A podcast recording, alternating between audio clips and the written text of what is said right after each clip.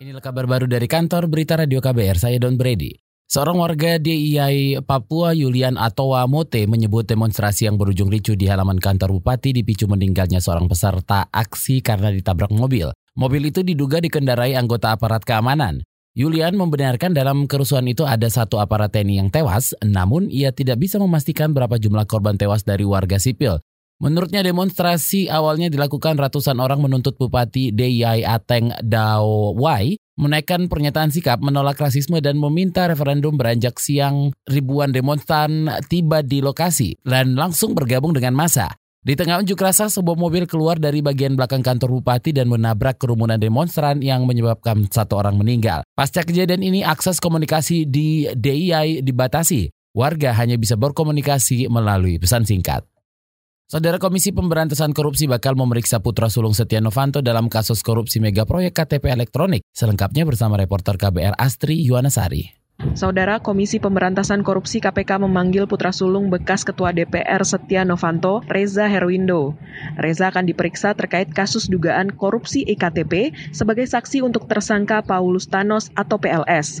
Thanos adalah satu dari empat tersangka baru dalam kasus dugaan korupsi IKTP ini. Tiga tersangka lainnya yaitu bekas anggota DPR Miriam S. Haryani, Direktur Utama Perum Percetakan Negara RI dan Ketua Konsorsium PNRI Isnu Edi Wijaya, dan Ketua Tim Teknis Teknologi Informasi Penerapan IKTP Husni Fahmi. KPK menyangka Thanos bersama pihak terkait telah mengatur perusahaan pemenang lelang proyek IKTP. Ia juga diduga mengatur fee sebesar 5% sekaligus skema pembagian beban fee yang akan diberikan kepada beberapa anggota DPR RI dan pejabat Kementerian Dalam Negeri. Perusahaan milik Thanos diduga ikut diperkaya sebanyak 145 miliar rupiah. Dari Gedung Merah Putih KPK Jakarta, Astri Yuwanasari untuk KBR. Gubernur Jawa Barat Ridwan Kamil meminta dukungan Presiden Joko Widodo untuk merealisasikan program Desa 4.0 yang berorientasi teknologi. Permintaan itu Ridwan sampaikan saat bertemu Jokowi di Istana Merdeka kemarin. Ridwan menyebut konsep Desa 4.0 itu sesuai dengan arah pembangunan lima tahun ke depan yang fokus ada pengembangan SDM. Pembangunan-pembangunan eh, di Jawa Barat yang menjadi atensi Pak Jokowi di lima tahun ke depan uh, kita kan lagi fokus uh, infrastruktur harus diselesaikan ya. Banyak tol-tol yang belum baru setengah jalan. Kemudian juga uh, saya melaporkan penerjemahan konsep pembangunan sumber daya manusia pemimpinan kedua Pak Presiden kan. Gubernur Jawa Barat Ridwan Kamil mengatakan bakal melakukan revitalisasi SMK agar sesuai dengan kebutuhan industri di masa mendatang. Menurutnya Jokowi akan mengadakan rapat terbatas khusus membahas percepatan pembangunan di Jawa Barat. Sebelumnya Jokowi juga pernah menggelar rapat serupa untuk wilayah Jawa Tengah dan Jawa Timur.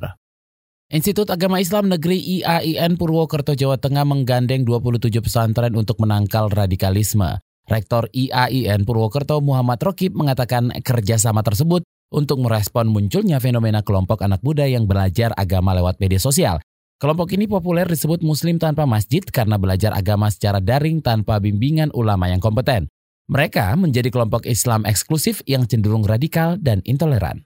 Kita sejak awal melakukan uh, proses pengenalan akademik yang seimbang antara pemahaman terhadap referensi baik itu online maupun referensi melalui perpustakaan berupa buku-buku atau dialog-dialog dengan dosen serta yang berikutnya adalah kita bekerja sama dengan pesantren mitra sekitar 27. Rektor IAIN Purwokerto Muhammad Roki menambahkan kampus akan mengintensifkan program wajib pesantren untuk mahasiswa yang belum memiliki pengetahuan agama yang kuat, terutama soal penguasaan bahasa Arab. Menurutnya pesantren juga menjadi ruang belajar dialogis yang bisa mencegah masuknya paham radikalisme.